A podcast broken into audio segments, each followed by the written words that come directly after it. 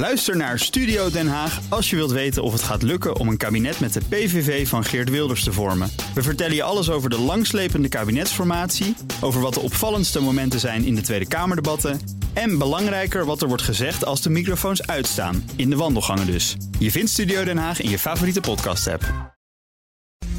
Beleggerspanel. De Amerikaanse Citizen First Bank neemt voor 72 miljard de activa van Silicon Valley Bank over. En de Vereniging van Effectenbezitters vraagt de AFM handhavend op te treden in de richting van ABN AMRO. Dat en meer bespreek ik in het beleggerspanel. En daarin zit er Marco Groot van 8 eh, Days a Week. En ook bekend van de website marcogroot.com. En Martina Hafkamp, vooral bekend als oprichter van Vitesse Vermogensbeheer. Fijn dat jullie er zijn. Goedemiddag. Marco heeft ons gewaarschuwd voor lange verhalen. Dus de eerste transactie, ja, die eer die geef ik allereerst aan Martine. Heb je dat alvast kunnen doen? Ja, dan heb ik dat kunnen vertellen. Uh, ik heb Vinci gekocht. Nou, dat is wel bekend van de Franse auto's, tolwegen, zeg maar. Nou ja, het is natuurlijk in die zin een bestendig businessmodel. Ze hebben vorig jaar het meest verdiend aan de luchthavens... waar ze ook de exploitatie van een aantal luchthavens doen... omdat natuurlijk iedereen weer leuk op vakantie ging en zo. Uh, nou, wat ik al zei, het is een bestendig businessmodel. Er komt heel veel cashflow, vooral natuurlijk uit de tolwegen. Ze doen nog wel heel veel andere dingen, dus ze zijn ook op de toekomst voorbereid... met in e- alles, alle ballen op de energietransitie, dus daar doen ze ook heel veel in. Uh, maar in het kader van deze tijden van toch wel een uh, best, best wel hoge inflatie... ben ik, al, ben ik een beetje op zoek al een tijdje naar wat... Uh, ja, een beetje saaiere aan. solide, hè? Ik, ik, ik hou je natuurlijk in de gaten. Dat weet je, uh, Martine. Ja. Jij schreef een column over beleggen en het vooral voorkomen van het maken van grote fouten. Ja. Dat betekent dus dat je uitkomt bij saaie bedrijven. Nou, het hoeft niet. Wel saai is ook natuurlijk heel. Uh, aantrekkelijk. Dat zijn je eigen woorden nu. Ja, ja, nee, maar ik nog solide, te nou, nou saai. bedoel, ja, nou, ik bedoel, saai is, uh, het klinkt altijd zo saai. Maar in principe, uh, ja, beleggen is al spannend genoeg, denk ik, helemaal in dit soort tijden. Dus dan is een beetje voorspelbaarheid is best aardig. Nou, dan uh, het lange verhaal. Het eerste lange verhaal van Marco. Wat is jouw laatste transactie? Ja, en mooi dat jij zegt hè, dat het gaat over het voorkomen van fouten. Mijn vraag gaat tot op zekere hoogte ook over het voorkomen van fouten. Maar niet langs de fundamentele route. Maar ik ben vooral druk geweest met handelen. En in een triootje van transacties ben ik uiteindelijk weer teruggekomen naar waar ik begonnen ben. En dat is, ik heb in oktober heb ik op 22 euro aandelen van Landschot gekocht. Hé, hey, van Landschot, daar is hij weer. Juist, vanwege het rendement. Alleen die aandelen deden in drie maanden waarvan ik gedacht had dat ze daar drie jaar over zouden doen. Um, toen heb ik een beetje van die winst verkocht. En in de daling heb ik van die winst, niet van de opbrengst, heb ik aandelen Credit Suisse gekocht. Dat klopte volgens mijn berekeningen helemaal. Alleen de markt dacht daar heel anders over. Dus ik had het helemaal fout. Dus ik heb met een procent of 20, 30 heb ik mijn aandelen van Landschot weer verkocht. En toen kwam dus die hele Silicon Valley Bank uh, hetze op gang. Op dat moment heb ik al de, alle banken verkocht. Hè, dus en Credit Suisse en Van Landschot heb het gedraaid in Google. Waarom in Google? Eén, omdat ze een dreun hadden gehad van die ChatGPT-toestand. Twee, omdat ze uh, de markt zou draaien naar goed gefinancierde bedrijven. en drie afgestraft is, begrijp ja, ik. Ja, Google had een, had, een, had een goede deuk gemaakt, maar is wel, heeft wel 100 miljard op de, op de balans staan. Dus Google omhoog, Van Landschot omlaag. En vervolgens heb ik aan het einde van de rit heb ik dat weer teruggedraaid in Van Landschot. Dus per saldo ben ik weer terug in Van Landschot, naar waar ik begonnen was. Alleen, zoals jij net zei, voorkomen van verlies. Op die manier heb ik een flink verlies voorkomen. Wat vind je van deze route, Martine? Nou, het is een beetje een omweg. Ik heb nooit in die banken gezeten. Want wij zijn, zitten ook in een heel andere uh, tak van sport. Ja. Ik ben vermogensbeheerder, dus ik kijk sowieso naar de lange termijn. Ik zit er niet voor de korte termijn trades. Mm. Uh, dus en ik ben wel heel blij inderdaad dat die grote big tech bedrijven... dus dat die nou in deze tijden dus de veilige haven zijn. en inderdaad, bedoel, Alphabet is niet de enige met een enorme kaspositie. En dat wordt erg gewaardeerd. Dus daar ook weer een beetje saai is helemaal niet zo erg gaan naar die eh, gebutste bankensector. Want er is ook enigszins positief nieuws. Voor de Silicon Valley Bank, de Amerikaanse First Citizen Bank, neemt grote delen van SVB over van de Amerikaanse bankwaakhond. Want zo zou je het kunnen noemen. De Federal Deposit Insurance Corporation of de FDIC. De First Citizen Bank krijgt de helft van de bezittingen voor een prijs van van 72 miljard dollar. En dat is met een forse korting, Martine. Ja, zit uh, Koop je? Nou ja, in die zin wel. Want uh, het worden, zeg maar, ze krijgen ook nog de zekerheid, of tenminste, ze worden gedekt ook nog weer door de toezichthouder. Um, en ze zijn in één keer, in één klap worden ze nu bij de top 25 van uh, de Verenigde Staten qua banken komen ze. en ja, bedoel, ze doen het op zich natuurlijk wel goed. Uh, vanaf, volgens mij van vanaf deze week kunnen dan ook de klanten van Silicon Valley Bank onder de, onder de vlag weer bij van First Citizen kunnen ze weer gewoon alles doen bij de bank.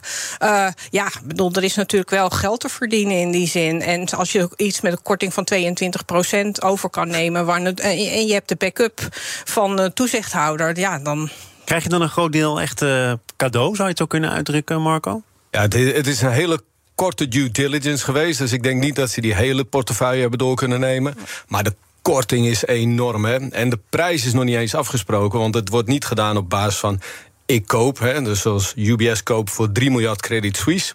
Hier is geen prijs afgesproken. Dit is een loss sharing agreement. Dus alles wat na nu nog misgaat, dat deelt uh, First Citizen met de liquidator, dus de overheid. Dus als het misgaat, krijgen ze ook nog eens de helft van toekomstige verliezen terug van, van de Amerikaanse overheid. Dus uh, First Citizen Bank aandelen gingen 40, 50 procent ja, omhoog gisteren. Dus dat gaat het daarmee ook iets te makkelijk. Hè? Ik snap dan dat het uh, klinkt als een goede deal. Maar um, moesten ze er bij die toezichthouder bij FDIC wel heel snel en makkelijk vanaf? Wat de gek ervoor geeft en uh, neem het over als je wil? Ja, je kan er op meerdere manieren over nadenken. De manier waarop ik het zie is dat je zag in Zwitserland bij Credit Suisse dat de Zwitserse overheid heel snel ingreep. En hier zie je dus ook dat de Fed heel snel ingrijpt. En ik denk dat het er alles aan gelegen is, hè, om met de herinnering en de resonantie vanuit 2008, om dingen heel snel op te lossen. Hoe langer je door laat lopen, hoe meer argwaan de markt krijgt, hoe meer conversie we krijgen van cash naar money market funds of hè, van kleine banken naar grote banken, waardoor meer banken in liquiditeitsproblemen komen. Dat is toch wel aan het gebeuren? In nou, Amerika je zie je. Nou, je ziet nu dat, dus, dat, die, uh, die, dat die verschuiving, dat die, die is wel tot stilstand gekomen van die deposito's van die kleine banken naar de grote banken. Dus in die zin hebben ze daar natuurlijk wel uh, wat mee bereikt. Ja, adequaat op gereageerd. Ja, ja. En, en ik denk ook, bedoel, dit is ook Silicon Valley Bank is ook weer niet zo'n hele gevaarlijke bank. Zeg maar er zitten niet allemaal hele, denk ik, tenminste zo op het eerste gezicht, als ik zie waar, waar het fout is gegaan, is natuurlijk omdat er een bankrun was, omdat gewoon al die deposito's ergens anders heen gingen. Dus er zitten niet echt van die hele grote risico's waarschijnlijk op die balans. Ik bedoel, uh, zeg nooit nooit natuurlijk. Maar is de golf hier meegebroken? Want dat sloeg wel degelijk over naar Europa. We hebben Credit ja. Suisse gezien. Afgelopen week uh, werd uh, Deutsche even tegen het licht gehouden. Heeft ja. nu voor een belangrijk deel alweer de koers verliezen weten in te halen, hè, weten ja, te herstellen. Ja, dat gaat ook weer snel in een nou, dag. Gaat in, dat ging ja. inderdaad in een dag, dacht ik in één keer. Toen ik het zag, vrij snel. Ja, maar dan, dan ook op een gegeven moment komt de ratio ook wel weer een beetje bovendrijven. En het is natuurlijk ook, als je kijkt gewoon naar op zich naar de fundamenten van Deutsche Bank. Nou, dat is best een goed gecapitaliseerde ja, bank. Maar die, dat was vorige week ook al zo. Ja, maar dat is, maar ja, bedoel, iedere bank, als je maar gewoon met z'n allen er naartoe rent, dan heeft, zit iedere bank in de problemen. Dus in die zin, uh, ja, dat, dat kan je niet tegenhouden op zich, Silicon Valley Bank had ook niet, had ook niet mee hoeven gebeuren wat er mee gebeurde. Maar ja, als je dan vervolgens natuurlijk een ontzettende mismatch hebt op je balans. Dus als al die deposito's uh, uh, met de Noorderzon vertrekken, ja, dan gaat het hard. Maar in Europa heb je dat iets minder ook, hè, dat dat zo kan. Ik, ik, Deutsche Bank is natuurlijk een bank die heel erg beschadigd is ja. door het verleden. En als je kijkt naar de waardering van Deutsche Bank, dan is die echt heel laag. En niet eh, als, als financiële titel, maar het, de book value van het aandeel is uh, drie keer hoger dan de beurswaarde van het aandeel. De meeste banken handelen tussen 0,6 en 0,8 keer.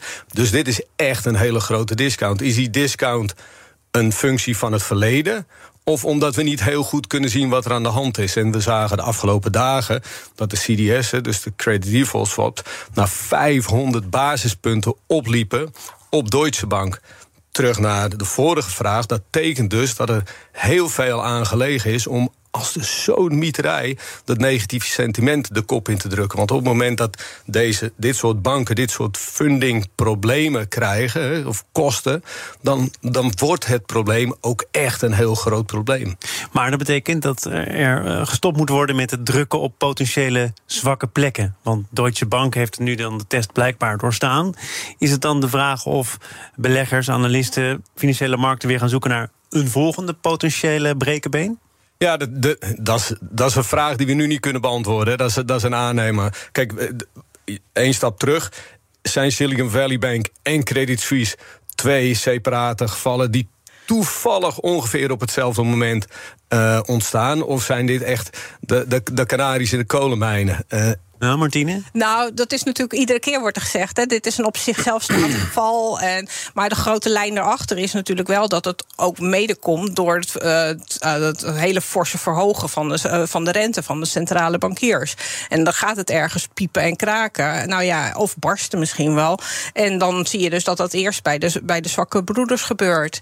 Dus in die zin, zolang die centrale banken niet klaar zijn en zich vol, eigenlijk vooral committeren aan het, bestrijden van de inflatie, kan het natuurlijk nog best een komende tijd nog een keer 25 gebeuren. 25 basispunten erbij in Amerika met zo'n hoge inflatie, dan zie je toch dat Powell een klein, klein, beetje aan het inbinden is. Ja, nou in die zin, ja, natuurlijk wel. En hij heeft nu ook gezegd van, nou, we zijn, eh, of tenminste min of meer aangegeven, nou, nog één renteverhoging en we zijn klaar.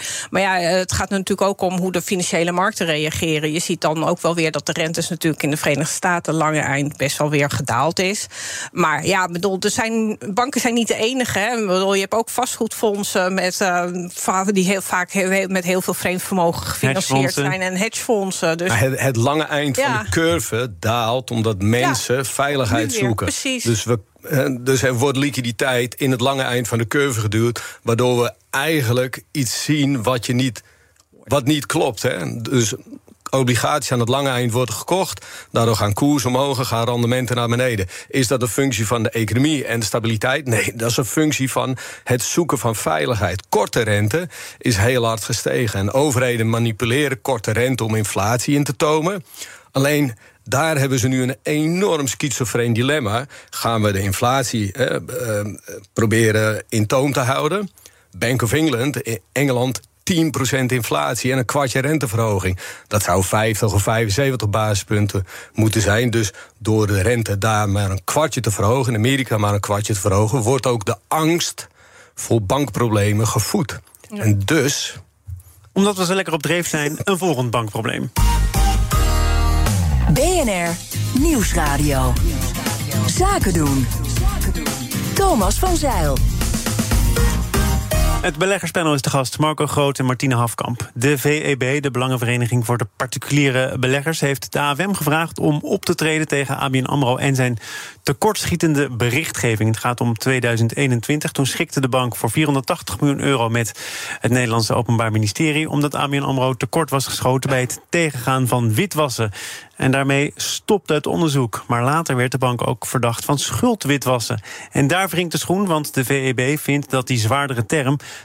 te laat bij beleggers bekendgemaakt is. Allereerst eventjes, uh, Dikke van Dalen erop naslaand. Schuldwitwassen, waar hebben we het dan over? Nou, dat is dan witwassen, uh, of tenminste dat je het wel had kunnen weten dat het gebeurde. Daar, daar zit dan de nuance in. Dus het gaat niet om de controle? Nee, nu wordt er echt gezegd, je had kunnen ja, weten... Dus dat je, je, je, zeg maar, je toezicht schiet sowieso tekort. Maar als je dat wel beter had gedaan... dan had je best kunnen weten dat dat niet helemaal zuivere koffie was. Hadden uh, beleggers, aandeelhouders in ABN AMRO dat ook kunnen weten. Want uh, niet dat ik het nou heb nageplozen, maar het stond op uh, pagina 282 destijds van het jaarverslag. Jee, maar nee. Ja. Meestal ben ik degene die dat soort opmerkingen maakt. Hier ben ik. Ik heb ook een keer mijn huiswerk gedaan, Marco. Ja, ja, ja.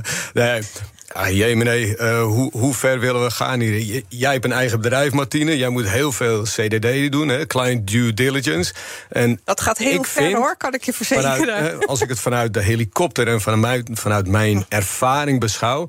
dat heel veel um, politionerende taken door de overheden bij de banken en de vermogensbeheerders neer zijn gelegd. Je bedoelt bij de poortwachters van ons financiële systeem? Precies, ja. En dat is ten eerste een heel kostbaar uh, klusje. Ten tweede een heel tijdrovend klusje. En ten derde heb je daar echt heel veel mensen voor nodig. En die mensen die zijn amper beschikbaar. Dus nou, en dit gaat ook nog over de periode 2014-2020. Dus het is ook. Uh, je zit eigenlijk ook een beetje dat in de achteruitkijkspiegel te doen. Want het is ook binnen zeg maar, de kaders die er toen waren. Die waren die zijn niet, uh, die vallen in het niet meer vergeleken hoe je het nu moet doen.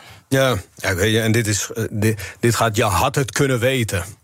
Ja. Nou, oké, maar laten we zeggen, je put uit ervaring. Dat komt omdat je ook hebt gewerkt voor een andere grote bank. Juist. Rabobank. Mhm. Heb je daar destijds ook gezien dat daar steeds meer capaciteit voor werd vrijgemaakt... en dat er eigenlijk steeds, nou niet steeds, maar relatief weinig winst werd geboekt... dat die controle ook niet per se beter werd? Nou, die controle die werd dusdanig intensief en dusdanig complex dat je uiteindelijk wel dichter bij hè, een, een, hoe zeg je dat? een 100% zekerheid kwam dat je alle slechte klanten er ook uit kon vissen of de deur kon wijzen, et cetera. Alleen de intensiteit die dat, eh, of de werkintensiviteit die dat kostte, was fenomenaal. En ja, uiteindelijk was dat obstructie in het systeem. Banken zijn uiteindelijk degene die de economie vloeibaar maken. En het is door deze compliance-structuur niet stroperig geworden. Het is bijna asfalt geworden. Maar toch nog even waar het hier de VEB over gaat. Namelijk niet zozeer dat die controles steeds meer vergen van banken... en dat hun winstgevendheid daar onder druk komt te staan. Nee, zij zeggen, het gaat ons om de terminologie. Je hebt je aandeelhouders niet voldoende ingelicht. Nou ja, dat klopt op zich wel natuurlijk. En eh, dat is als je dit in de Verenigde Staten had gedaan, dan had je een heel groot probleem gehad als bank. En dit is gewoon omdat zeg maar, achteraf heeft, eh, zijn mensen het jaarverslag gaan lezen en zo is het in het nieuws Ja, gekomen. pagina Ja, 282. ja, Dan, doe je, eh, dan ben je toch wel een paar dagen bezig voor je daar bent, hè? Ja, maar als- ik weet dat jullie komen, dan neem ik het uitermate Ja, serieus. dan doe jij dat nog een Ja, keertje. ja. Nee, maar ik bedoel, dus dat is natuurlijk wel slecht. Want als je dat weet, dan moet je daar gewoon over rapporteren. Zo het, moeilijk het is, is het slecht, niet. maar nou zegt ook die VEB... Ja, om daar nou een collectieve actie van te maken vanuit de VEB...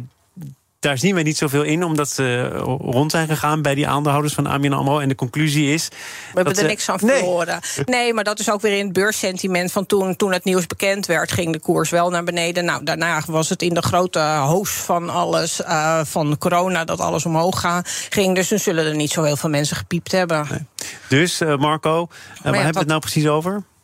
Meer Ja. om een principezaak. Het is een principezaak. Kijk, en al- als er dingen fout gaan en er fouten geconstateerd worden, dan moet je daar echt voor straffen. En dan moet je dat duidelijk maken. En dan zou een bank dat natuurlijk vanzelf naar buiten moeten brengen. Ik denk dat al die miljoenen boetes die ze gehad hebben, dat ze beter hadden kunnen zeggen: stop dit geld in compliance en onderzoek. En dan had je er een veel beter rendement, een veel beter maatschappelijk rendement op gemaakt dan boetes aan het Wat Openbaar moet, wat Ministerie moet eh, de. AFM hier nu uiteindelijk mee?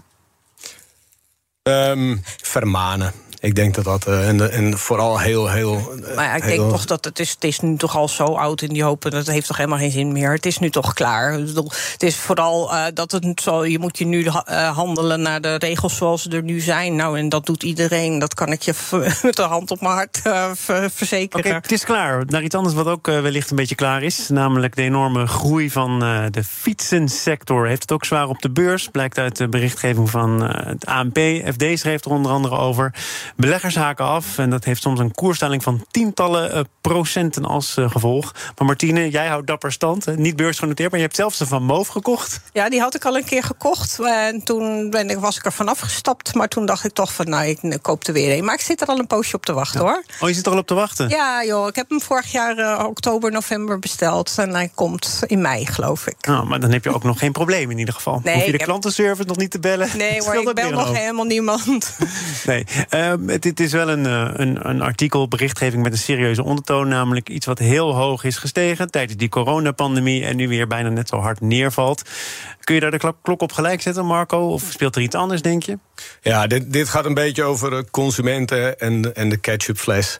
Eh, de, de consumenten bedoel ik mee dat eh, dit vooral het vrije eh, bestedingsdeel van, van, van de consument zijn inkomen is. Het aantal fietsen wat verkocht wordt is door de jaren al heel erg stabiel. Rond een miljoen fietsen per jaar. Alleen in die coronatijd is er een spike geweest. En zijn we vooral duurdere fietsen gaan kopen. En, eh, Elektrisch. gaan elektrisch gaan fietsen, sommige mensen bij ons.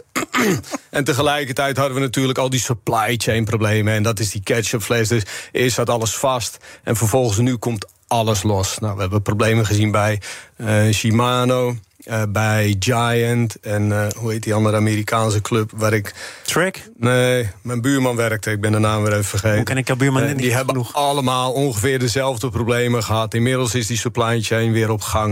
Maar we, we hebben allemaal een fiets. hè. En we zitten denk over een jaar, anderhalf jaar pas in de vervangingscyclus van eh, de eerste vervangingscyclus van de eerste elektrische fietsen. Dus, maar dan, komen, dan komen er ook weer betere tijden aan, begrijp ik. Ongetwijfeld, ongetwijfeld. Maar die prijzen die zijn in, intussen een stukje naar beneden gekomen. En marges op fietsen stijgen niet heel hard. Hè, omdat er heel veel geld in marketing uh, gestopt moet worden. Marges op fietsen zijn maar 4, 5 procent. Je zou er een beetje somber van worden, Martine. Kun je er nog iets tegen inbrengen? Oh nee, ik denk dat het gewoon weer terug is naar business as usual. Dat is het meer. Het is hm. natuurlijk een enorme spike geweest, inderdaad, in coronatijd. Toen iedereen uh, eigenlijk aan niet zo heel veel andere dingen geld kon besteden. en toch iets wilde doen om te bewegen. Nou ja, dan toen. En inderdaad, met die supply chain, uh, die natuurlijk een beetje in de war was. dan krijg je dus een soort dubbel effect. Nou, tenzij er blijvende zaken structureel anders worden aangepakt. Zoals nee. automobilisten die wat eh, meer moeten gaan betalen of op minder plekken welkom zijn. Ja, maar ja, precies. Zometeen mag je hier Amsterdam niet meer in met de auto. Nou, dan heb je toch een fiets nodig als je nog iets wil doen. Dus ik zie voor de lange termijn zie ik gewoon die fietsbusiness gewoon, gewoon prima. Zijn er nou heel veel andere sectoren waar je ook kunt zien dat eh, de prik er sinds corona wel een beetje uit is? Nou, natuurlijk. Ik bedoel, je ziet het met meer. Je ziet het. Kijk, alles wat toen heel hip was. Uh, je ziet het met computerspelletjes. Dan zag je dat ook heel erg mee. Dat iedereen zat te gamen en dan nu wat minder. Uh, en je ziet, ja, met de reisbranche zal je dat ook wel gaan zien. Dat natuurlijk iedereen dat inhaaleffect heeft gehad. En op een gegeven moment, nou ja, als je spaargeld op is, dan ga je weer andere dingen ermee doen. Uh, ja, dus dat, dat is gewoon. Het is een beetje die hype van corona waar je dat allemaal in terug ziet. Welke branche? Moet zich nog meer zorgen maken, Marco? Kantoormeubilair is uh, redelijk gedaald. Hè? Dus, uh, mensen hebben ja. Ja, ja, mensen hebben enig minder bureautjes thuis nodig. Dat weet ik, omdat mijn broer in kantoormeubilair is. Oh, dus, broers, buurmannen. Ze komen allemaal voorbij in dit uh, beleg. Ja, maar we zien ook wat meer. De laptops, de thuiscomputers, et cetera. Het is allemaal wat meer genormaliseerd. Dank u allen voor uw bijdrage aan dit beleggerspanel. En Marco, jij komt zo meteen terug voor ongevraagd advies. Dus ja, gezellig. Marco Groot was er. hij is partner bij Eat Deze Week. En ook bekend van de website marcogroot.com. En Martine Hafkamp van Vintessa Vermogensbeheer. Dank jullie wel. Beleggerspanel wordt mede mogelijk gemaakt door Annexum. Al meer dan 20 jaar de aanbieder van vastgoedfondsen. En dat eh, panel is trouwens ook te beluisteren als podcast. Abonneer je vooral even via je favoriete kanaal of de BNR-app.